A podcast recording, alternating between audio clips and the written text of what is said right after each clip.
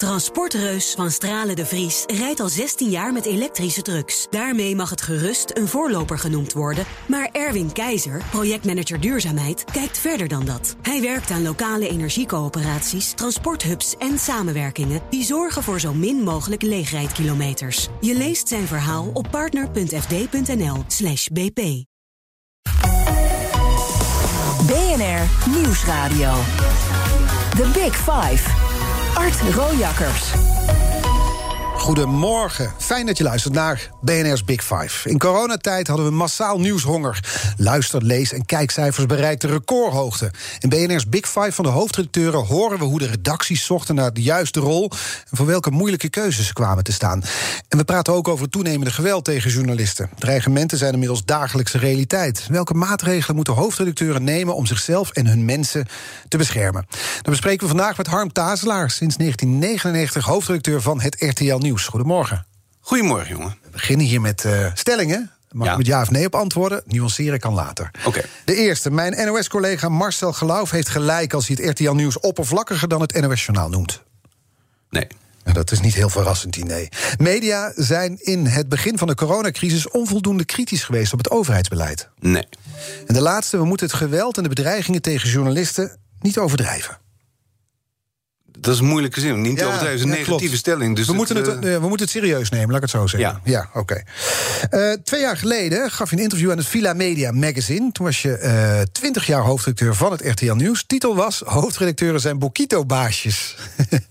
dat vond ik een mooie uitspraak. Toen dacht ik: moet ik mijn apenrots beklimmen voor alle interviews deze week?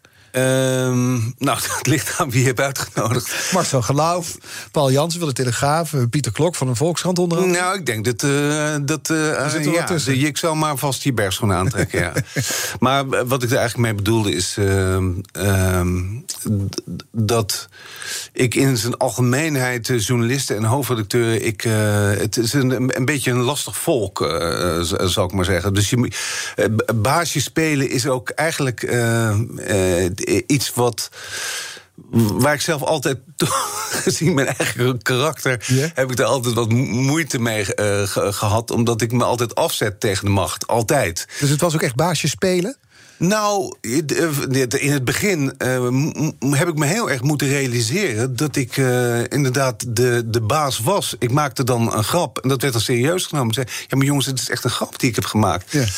Eh, dus die- ik heb me dat wel moeten realiseren. Ik heb moeten, leren, ik heb moeten wennen aan het feit dat je baas bent, ja. Ja. ja. Het viel mij ook op in de voorbereiding van deze week dat eh, als je naar de grote mediabedrijven kijkt, of grote mediaredacties, laat ik het zo no- noemen, dat er veel. Het is een mannelijke cultuur, lijkt het op hoofdredactioneel niveau.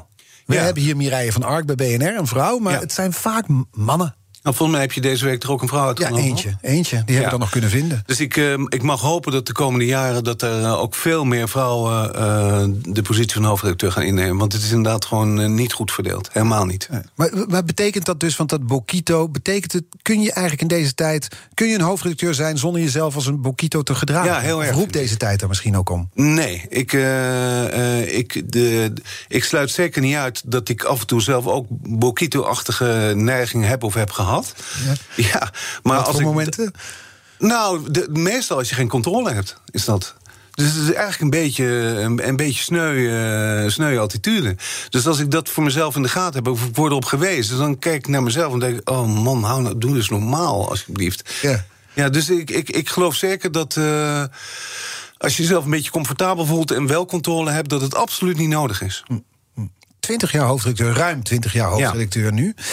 Het thema van deze week is ook die polarisatie die wij menen te zien in de maatschappij. Nou, als iemand er iets over kan zeggen, ben jij het dus wel als je zo lang in functie zit. Is het inderdaad zo dat er meer polarisatie in het debat is dan ooit tevoren? Nou ja, het, eh, eh, we hadden in de jaren 60 hebben afscheid genomen van de verzuiling. En daarvoor was natuurlijk Nederland eh, voor he- heel lange tijd opgedeeld in, eh, in, in zuilen.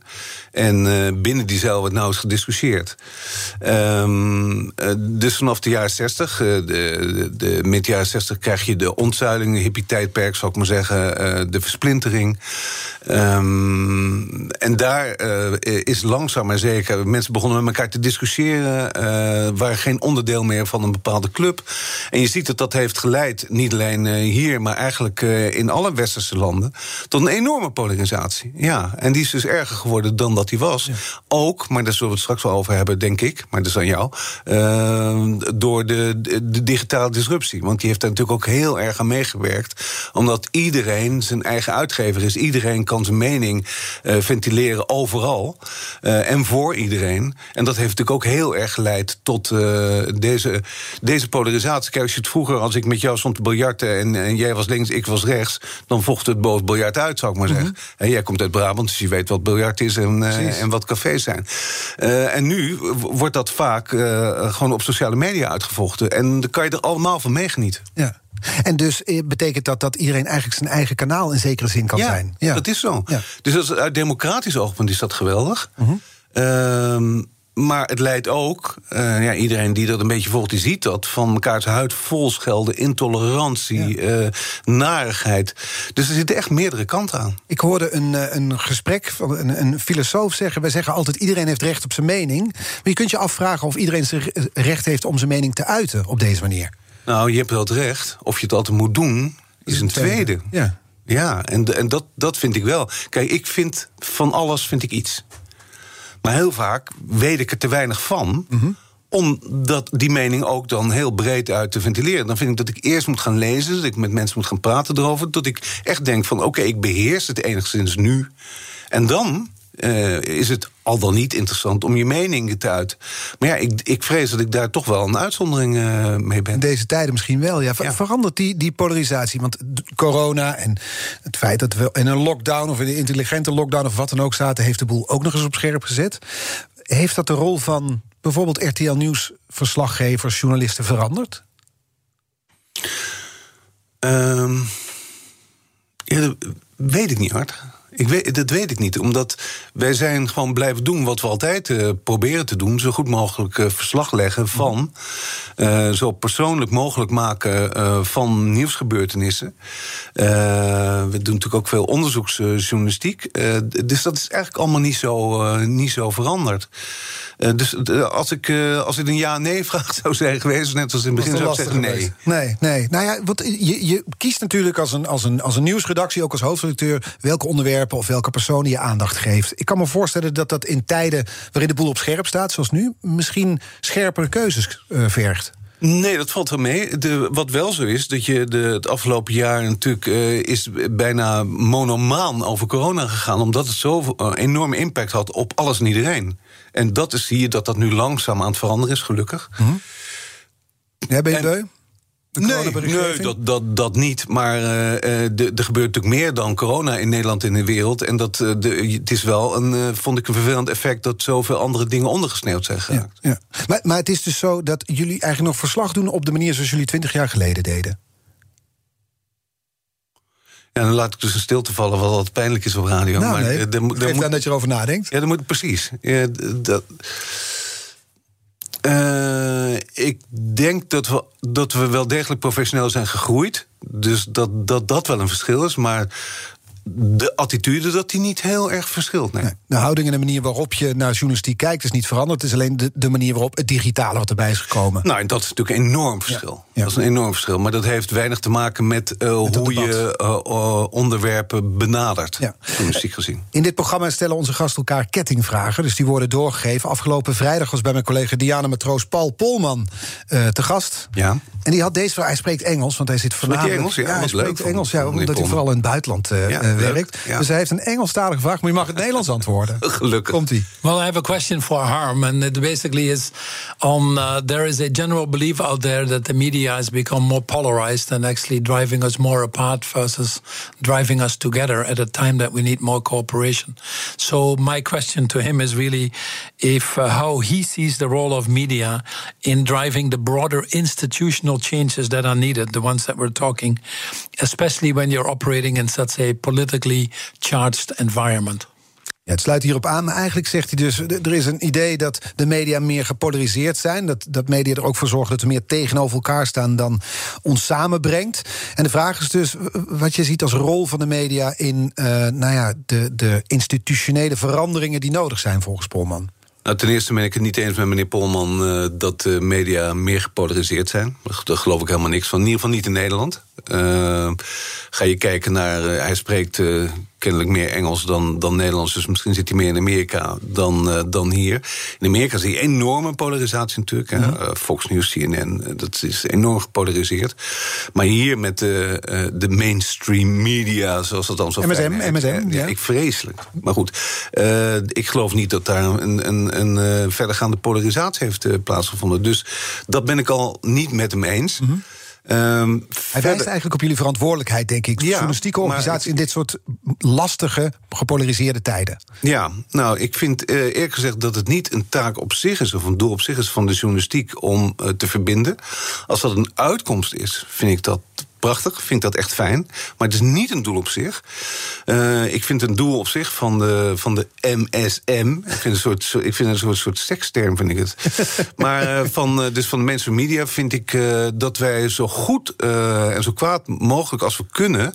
Ehm, ehm, verslag moeten doen van de belangrijkste gebeurtenissen in, in, in Nederland. En ook duiden, achtergrond geven, zodat de kijker of de, de, de bezoeker op online de, ja, beter geïnformeerd uh, raakt. En, en uh, zijn of haar opinie ook beter daarop uh, kan vestigen. Dat is wat wij moeten doen. Ja.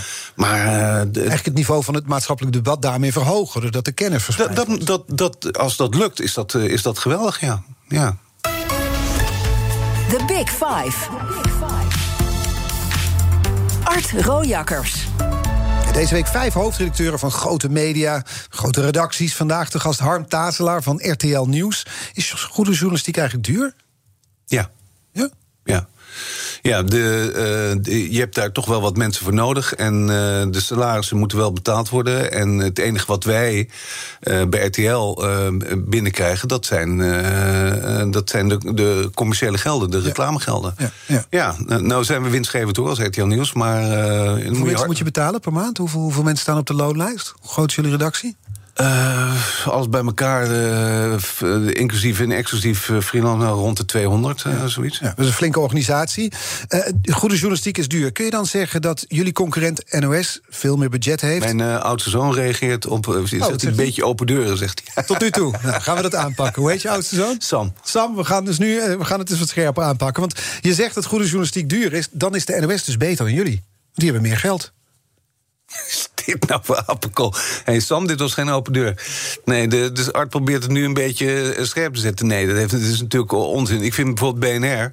Uh, jullie doen het met uh, uh, weinig mensen... en jullie zijn een van mijn favoriete radiostations. Dus het heeft heel erg te maken met de kwaliteit van de mensen. Ehm, maar mensen kosten geld, zo, zo is dat nou eenmaal. Mm. En als je zoals RTL een online redactie hebt... je hebt meerdere programma's. We hebben Editie NL, we hebben RTL Z bij RTL Nieuws. Uh, we hebben onderzoeksjournalistiek, uh, daar, uh, daar, daar besteden we veel aandacht aan. Ja, dan kost dat veel geld. Ja, maar toch, toch dat verschil met de NOS. Jouw NOS-collega, hoofdredacteur Marcel Geloof, morgen hier te gast... Ja. die heeft het RTL Nieuws wel eens getypeerd als, en nu citeer ik hem... aardser, simpeler, oppervlakkiger en met minder duiding. Steekt dat? Nee, ik bedoel, dat mag Marcel vinden. Heeft hij een punt? Uh, nee, dat vind ik dus helemaal niet. Als je, als je kijkt wat, wat wij uh, doen, bijvoorbeeld aan eigen nieuws... en hoe we dat ook uitleggen, onderbouwen en duiden... Daar zit niets oppervlakkigs in. we lopen vaak voorop. Dus dat ben ik hartstikke trots op. Um, uh, aardser misschien wel. Wij proberen. Ik weet niet wat aardser betekent. Nou, weet ik ook niet. Maar wat, wat, ik, wat ik denk dat hij bedoelt, is dat wij terugbrengen naar, uh, naar uh, aards, aardsere proporties. Dus naar. Kijk, als een, een, een, een heel abstract probleem, daar proberen we altijd personen bij te zoeken. Zodat het voor een ontvanger, de kijker of de bezoeker op online, dat, dat, dat die snappen waar het over gaat. Mm -hmm. Nou, als dat met aardser bedoeld wordt, ja, dan, dan zijn we wat aardser dan, uh, dan de NOS, die dat wat minder doen. Uh, zeg je nou expres de NOS of niet? Nee, ze zeggen, ja, hoezo expres? Wat, wat moet ik dan zeggen? De NOS, de NOS. Ja, de NOS. ik zeg ook nek-nak. Oh ja, oké. Okay. Ja. Wat is het verschil tussen de, de NOS dan, de NOS en jullie? Ja, de, de, pff, de, dat laat ik verder aan de kijker over. Ik, uh, ik, ze hebben meer geld, ze hebben meer uitzendingen. Ja, maar dat heeft, heeft, heeft, echt niks te maken wat dat betreft, wat mij betreft, dus meer met kwaliteit. Nee, nee ik, ik uh, geloof dat wij met minder mensen en minder geld, dat we echt door de bank genomen aan een hele goede nieuwsvoorziening doen. Ja. Maar waar, waar, ben je jaloers op bij de NOS als je daar naar kijkt? Waarvan denk je, hey, dat hadden wij nou ook kunnen of moeten doen? Nou, waar ik jaloers ben, is als ik meer geld had gehad... en ik ben helemaal niet ontevreden over ons budget, hoor. Dat mhm. is echt best goed en, en ook best hoog. Uh, maar dan had ik nog meer researchjournalistiek uh, uh, willen doen. Omdat ehm, als je dagnieuwsprogramma's maakt... dan zit natuurlijk een, een groot deel van, van je mensen... Ehm, besteedt aandacht aan de gebeurtenis van de dag. En er gebeurt natuurlijk daarnaast gebeurde heel veel ondergronds. Gebeurt van alles. Ja. Nou, daar kunnen we grote maar, maatschappelijke stromingen. Precies. En dan kunnen we maar een heel klein beetje kunnen we daarvan uh, van via onderzoeksjournalistiek laten zien. En dat zou ik wel fijn vinden als, je dat, uh, als we dat wat meer zouden kunnen doen. Mhm. En verder, als je wat meer mensen hebt, dan kan je nog betere duiding geven aan die gebeurtenissen op de dag. Dus dat zou ik, had ik wel fijn gevonden. Ja. We, werken natuurlijk ook in zekere zin voor dezelfde club. Want ik werk ook voor RTL. Dus we, we, hebben dezelfde verhalen gehoord van onze directie. Advertentieinkomsten lopen terug. Komen zware tijden aan. Dat was het gesprek van een, van een jaar geleden. Nou, het gaat best goed, geloof ik. Ja, nu inmiddels wel. Maar toen was het. Hè, er kwam storm aan, werd gezegd. Had dat meteen gevolgen voor jullie? Is het dan in coronatijd moeilijk om kwaliteit te blijven leveren? Moesten jullie bezuinigen? Uh, nee, maar de, de, de dreiging van die bezuiniging die hangt dan wel boven de markt. Dus dat betekent dat je sowieso moeten we elke euro moeten we echt omdraaien. En dat vind ik ook niet erg. Zo ben ik ook opgevoed. Uh, elk dubbeltje uh, omdraaien. Ik kom uit een, uit een gezin wat op zich. Ik heb een fantastische jeugd gehad. Maar we moesten wel. ja, er werd niet met geld gesmeten, zou ik maar zeggen. En dat heb ik meegenomen naar RTL. Uh, en daar smijten we ook nooit met geld. Dus nou, dat, dat bevalt goed. En we hebben genoeg geld om uh, uitstekende nieuwsvoorziening te maken. Maar als er uh, minder geld binnenkomt. Ja, dat is net als er bij jou thuis minder geld binnenkomt, dan kan je minder geld uitgeven. Precies. Zo simpel is het. Ja. Kwam er minder geld binnen bij jullie in de coronatijd? Uh, in het begin is er bij RTL wel veel minder geld binnengekomen. Bij het nieuws ook? Nee, we hebben dat, de, de directie heeft ons gespaard, ja. Goed, uh, gegund is dat van harte. Dankjewel. Ja, jullie wel, ja. ja. Laten we het hebben over dat nieuwsverhaal van het afgelopen jullie jaar. Jullie wel, dat betekent dat. Nou, Laten we het hebben over het nieuwsverhaal van het afgelopen jaar, corona. Want uh, je had geloof ik, ik ben blij dat er nu wat andere uh, berichten ook, dat er meer ruimte voor is. Een van de dilemma's was, uh, media zijn in het begin van de coronacrisis onvoldoende kritisch geweest op het overheidsbeleid. Je zei vrij resoluut nee. Ja, omdat we zijn wel onvoldoende. Uh, uh, nee, we konden onvoldoende de overheid controleren. Ja. Uh, maar we hebben binnen dat gegeven, want dat is voor mij een gegeven. Dus ik, vind de, ik ben daar helemaal niet zeg van, nou, we hebben gefaald of zo. Het, de, dit virus was voor de overheid nieuw, maar dat was ook voor de journalistiek nieuw. Voor virologen was het nieuw. Voor alle experts was het nieuw. Ja, wat verwacht je dan van de journalistiek? Dat zij opeens uh, alle kennis in huis hebben om. Nee, dat, dat, dat bestaat niet. Want het was een, een, een, een, nieuw gegeven. Dus uh, uh, binnen dat kader denk ik, nee, we hebben maximaal hebben gepresteerd. Alleen in normale omstandigheden ben je natuurlijk kritischer op de overheid. Simpelweg omdat je meer kennis hebt. Dan, dan ben je hoofdredacteur in dit soort uitdagende tijden. Want ik neem aan dat dit een van de meest uitdagende hoofdstukken uit je hoofdredacteurschap is. Zo'n periode waarin je ook als journalistiek weinig weet. Als je zo weinig informatie hebt, hoe zeg je dan tegen je mensen dat ze zo goed mogelijk verslag moeten doen? Nou, zo. ja, het is niet zo ingewikkeld, daar. Nou ja, wel, want je hebt wij, je vaart, wat was het, wat zei ik, Rut ook alweer, je vaart op half zicht? Ja, in de mist. Dus je roeit een beetje in de mist, zo zeg ik dat. En, ja. uh, maar ik vind dat, daar moet je niet al te ingewikkeld over doen. Uh, op een gegeven moment is dat een gegeven. En binnen dat gegeven moet je maximaal presteren. Mm -hmm. Nou, en als dat gebeurt, dan kan ik niet meer uh, verwachten. Hm. Kijk, uh, als je het afzet tegen normale omstandigheden... Ja? dan schiet het tekort. Maar dit zijn geen normale omstandigheden. Ja, precies. Als je maar met de kennis van nu is misschien een interessante exercitie. Kijk je dan wel eens uitzendingen van een jaar geleden terug en denk je, nee, dat hadden we dus anders moeten doen? Nee, want ik vind dus ook niet dat we anders uh, dat hadden moeten doen. En als dan, dat vind ik uh, echt, uh, daar moet je bij mij niet aankomen. Dat vind ik zulke onzin. Favoriete politiek verslaggeversvragen zijn toch? Ja, maar ik kan daar niks mee. Ik vind nee. het ook dommige vragen als ze van politiek komen. Ja? ja?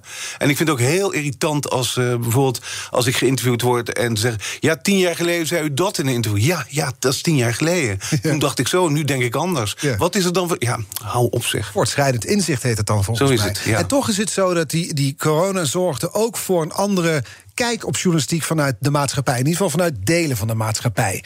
Uh, er kwam meer kritiek, er kwam zelfs intimidatie, er kwam geweld. Uh, de journalistiek stond, lag ook in zekere zin onder vuur. Ja. Je kijkt alsof ik overdrijf. Nee hoor, het, uh, ik luister geïnteresseerd. Ben je, ben je het mee eens met die analyse? Uh, ja. Hebben jullie ervan gemerkt? Nou, dat, uh, dat onze uh, mensen op straat uh, minder prettig werden bejegend dan normaal. En soms echt intimiderend en soms zelfs agressief. En dat, hebben wij, en vinden wij nog steeds, we hebben heel als onprettig ervaren. Uh, ik vind uh, journalistiek, uh, en mijn zoon Sam zal dat ook weer een open deur vinden, maar vind ik een een, een basisding van een democratie. En als je dan wordt gehinderd en, bij, je uitvoering, bij de uitvoering van je vak, vind ik dat echt schandalig. En ik vind het ook ongelooflijk dom. Want mensen mogen het niet met ons eens zijn mogen een eigen standpunt hebben. Dat vind ik prima. Dat hoort ook bij die democratie.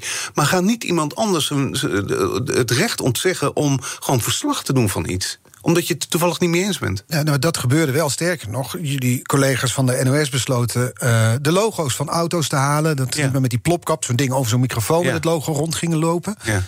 Snapte je dat besluit? Ja, nou, we, we, hebben geen auto's. Oh. Jullie gaan op de fiets. Het heeft allemaal met dat budget te maken, ja. Nee, we, uh, ik vond dat wel ver gaan, moet ik zeggen. Omdat ik vind dat je je nooit moet uh, verschuilen. Je moet altijd met open vizier moet je, de, de, de strijd aangaan. Als er sprake is van een strijd, maar een stuk metaforisch gesproken. Mm -hmm. Uh, en ik vind dat je altijd moet zeggen van... Uh, nou, ik ben dan NOS, ik ben van RTL Nieuws, ik ben van weet ik veel wat. Ja, en als mensen daar verkeerd op reageren, dat is dan heel vervelend. En dus in die zin begrijp ik wel dat, uh, dat Marcel dat besluit heeft genomen. Maar ik denk niet dat ik het zou hebben genomen.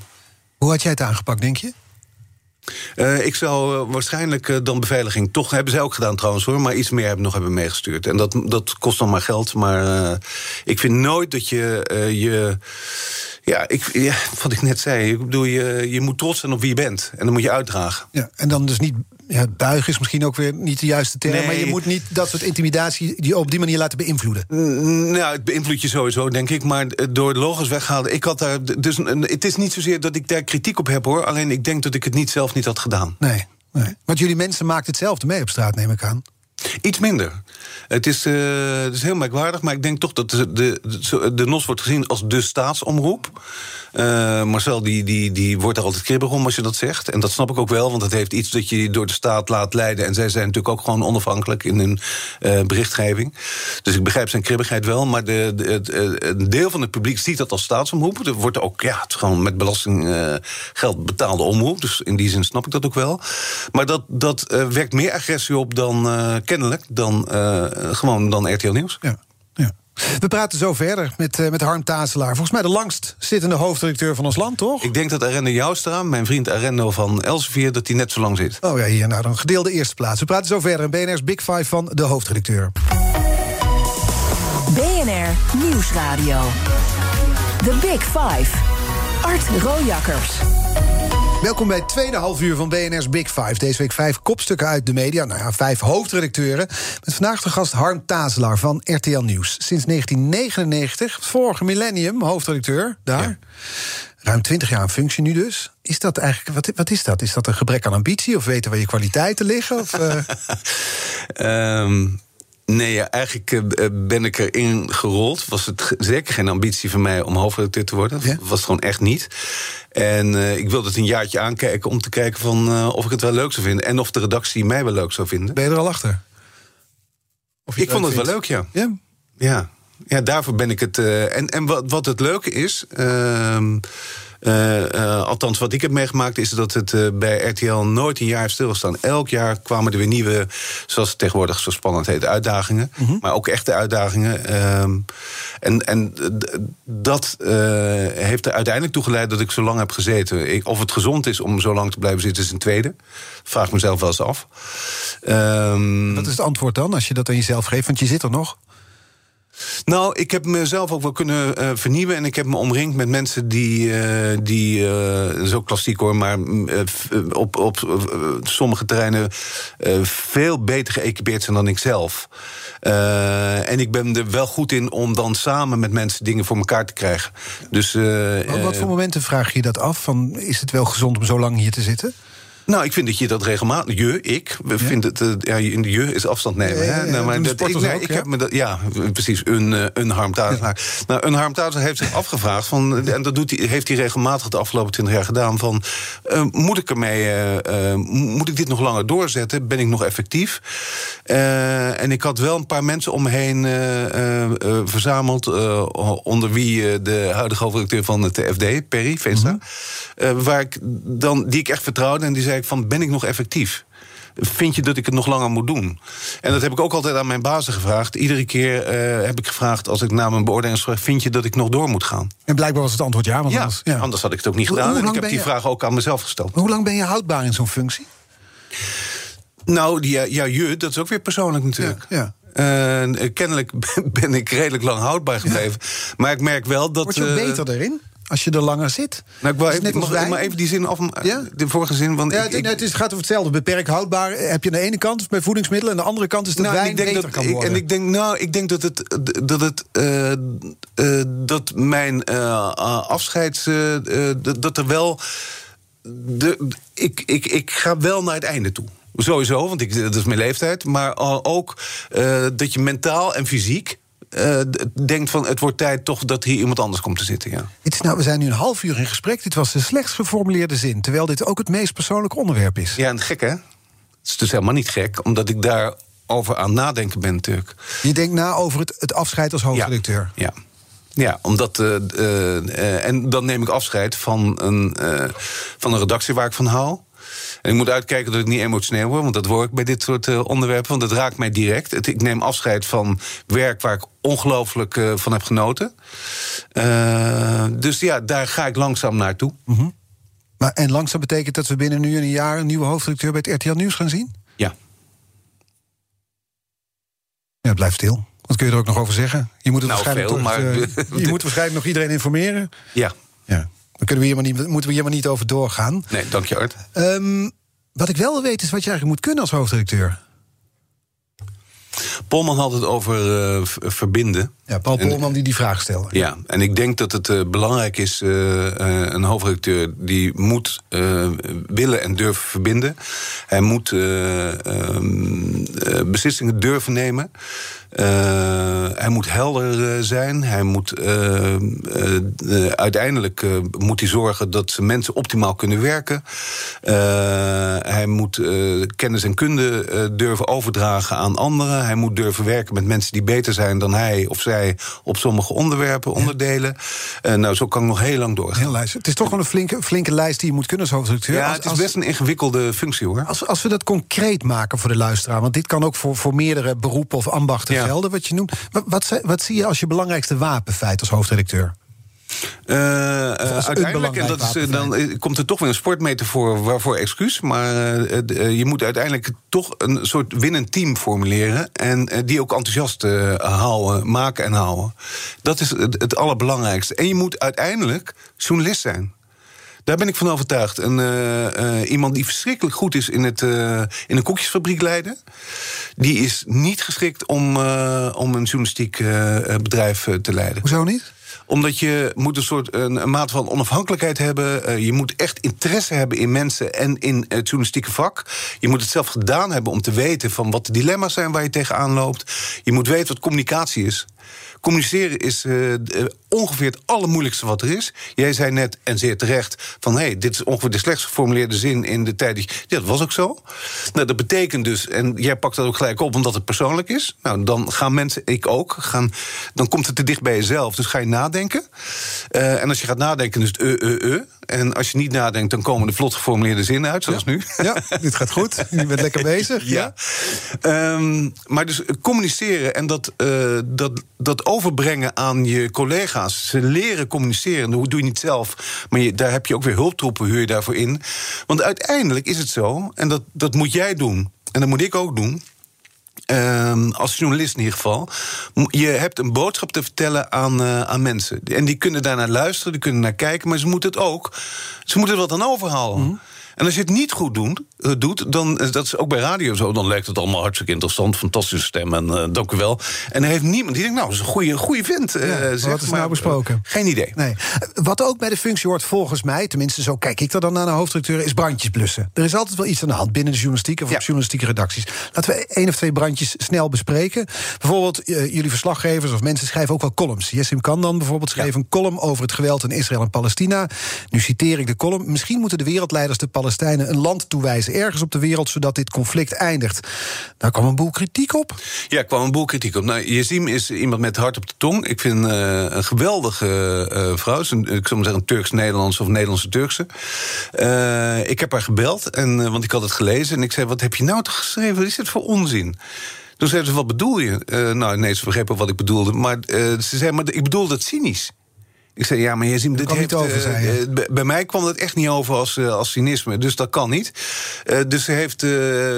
en ik vind tegelijkertijd dat, dat mensen wel de vrijheid hebben, columnisten, om, om echt nou, binnen bepaalde grenzen, maar te, te schrijven wat ze vinden. Ja. Maar dat gesprek van jullie, dat leidde dan volgens mij. Want ik hoor nu Tot woorden. Een tweede column. Ja, maar waarin dit voorkomt. Want ja. toen schreef ze. Het grote leed van de Palestijnen raakt mij nog steeds, maar ik zal er niet meer over schrijven. Leidt intimidatie dan dus tot zelfcensuur? Nee, ik, ik vond eerlijk gezegd uh, vond ik dat ook weer ver gaan. Want voor mij had ze er wel over mogen schrijven. Alleen het moet duidelijk zijn wat je bedoelt. En als je iets cynisch bedoelt, dat is cynisme en ironie zijn ongelooflijk ingewikkelde instrumenten.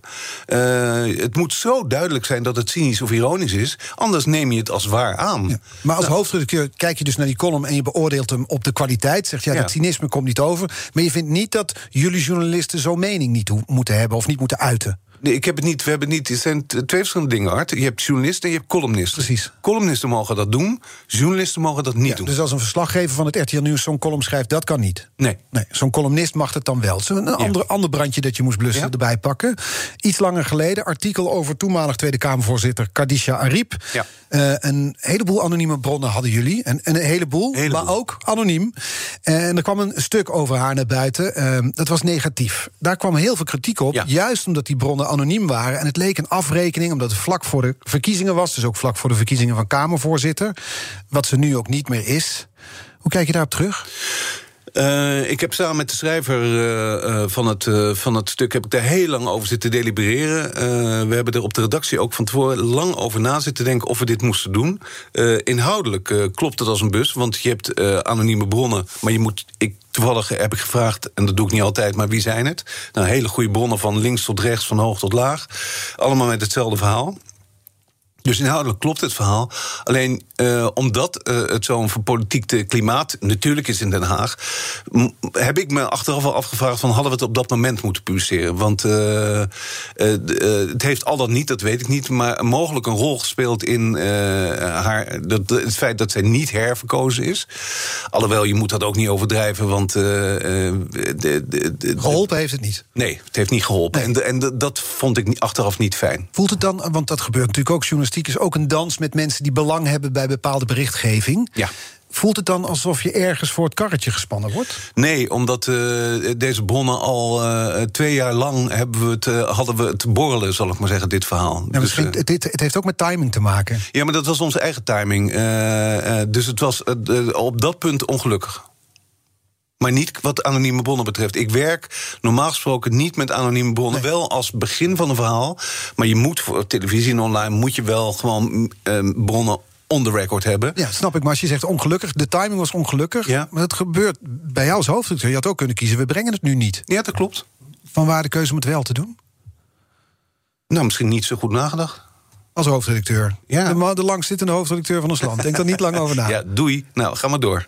Nee, maar... Ja, ja, ik ben ook maar een mens. Foutje. Dus, uh, nou ja, uh, nogmaals, inhoudelijk sta ik er helemaal achter. De timing niet. Maar de timing vond ik achteraf niet gelukkig, nee. nee. Want is dit eigenlijk wat hoofdredacteurschap inhoudt? Hetzelfde als politiek? Je rent eigenlijk van incident naar incident, van brandje naar brandje? Nee, het is de, nee, juist een heel structureel, uh, structureel gedoe, maar daar komen af en toe brandjes bij.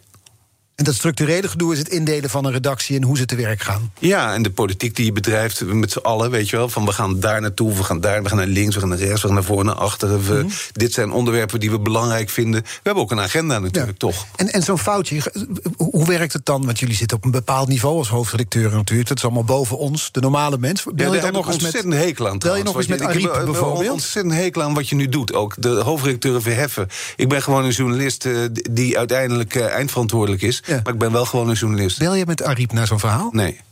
Nooit meer gesproken? Nee. Ga je ook nooit meer spreken? Nou, zeg nooit nooit. Nee. Maar excuses? Nee, omdat nogmaals inhoudelijk klopt het verhaal. Ja. Maar het was een foutje, zei je net ook. Nee, de timing hadden we het over. Precies. Ja, Ja, nou. punt. BNR Nieuwsradio. The Big Five. Nee, je moet dat smeren. Art hoor. Rojakkers. Je luistert naar BNR's Big Five van de hoofdredacteuren... met vandaag de gast Harm Tazelaar van het RTL Nieuws. Ehm, een interview op Villa Media.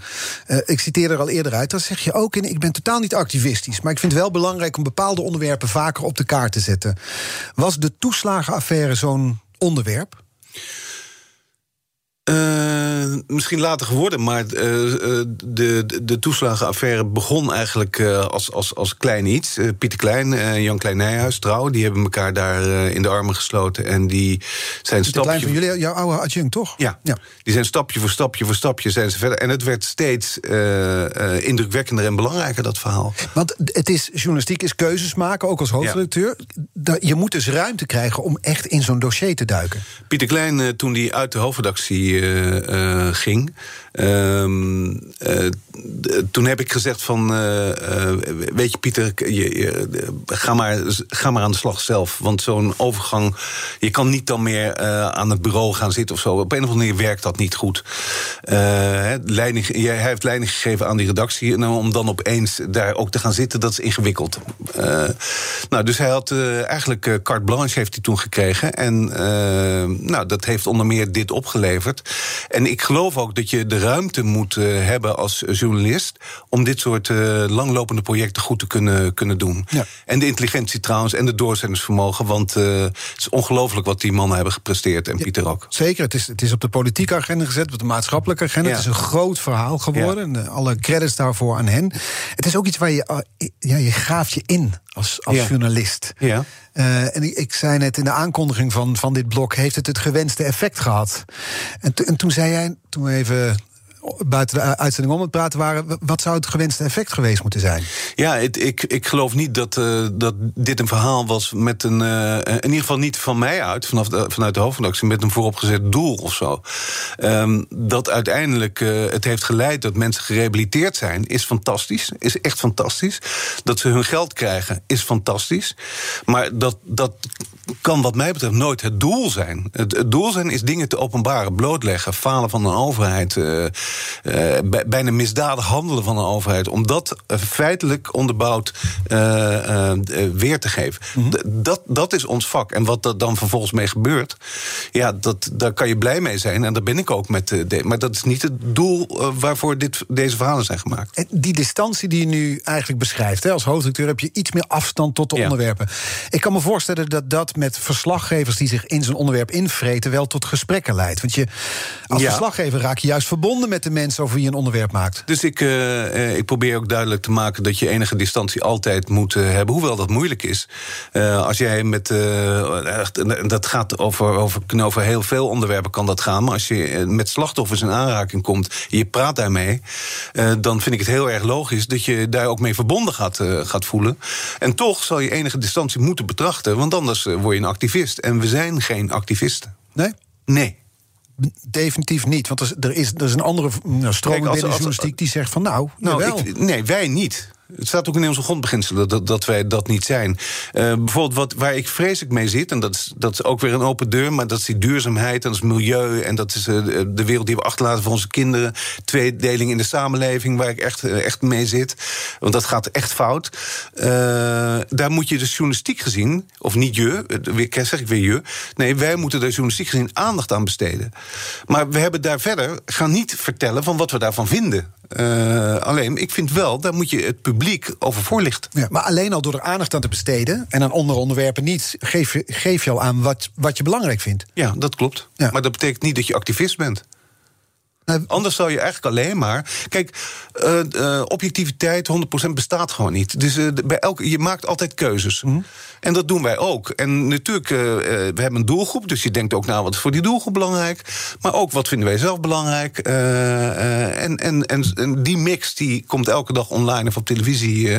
kan je die zien? Ja, dus in die mix kun je eigenlijk ook proeven wat de redactie belangrijk vindt. Ja. ja. Want, want er kwam ook vervolgens een, een. Naar aanleiding ook weer van nou, de verhalen van de toeslagenaffaire kwam er een boek van een journalist van de correspondent, Jesse ja. Frederik.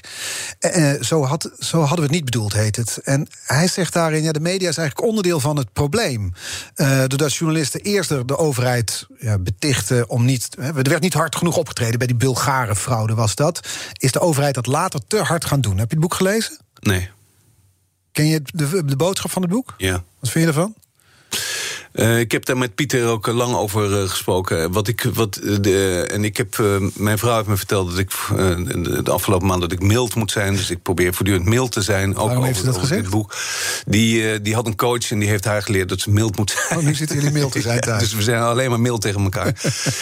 um, maar Pieter heeft feitelijk, geloof ik, de, de, de, honderden pagina's ingeleverd met feitelijk onjuistheden in dat boek. Jouw blik is niet mild nu. Nee, zeker niet. En nee. Daar heeft de schrijver weinig tot niks mee gedaan. En dat denk ik, ja, jongen. Echt. En uh, het, het, het, is natuurlijk een feit dat er altijd een soort uh, samenwerking is tussen uh, politiek, journalistiek. Dat is altijd zo geweest. Maar dat betekent niet dat je bij elkaar in bed ligt.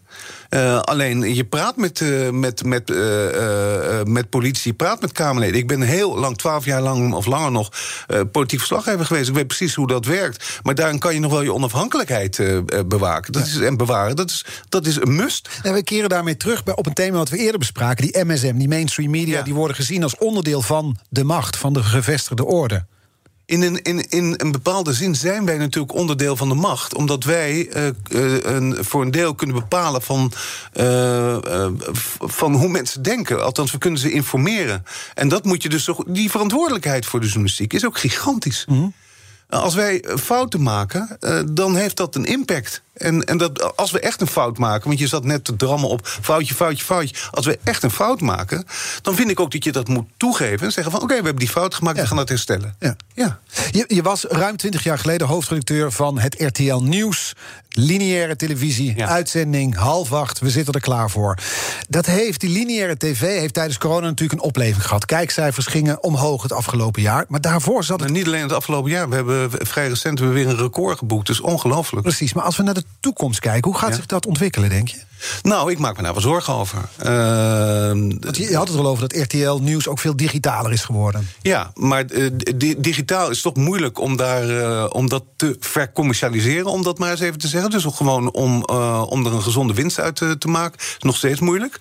En lineaire televisie, mijn kinderen hebben bijna geen televisie meer. Dus althans, sommige kinderen van mij hebben geen televisie wel meer. radio, want ze luisteren nu. Radio wel. Ja.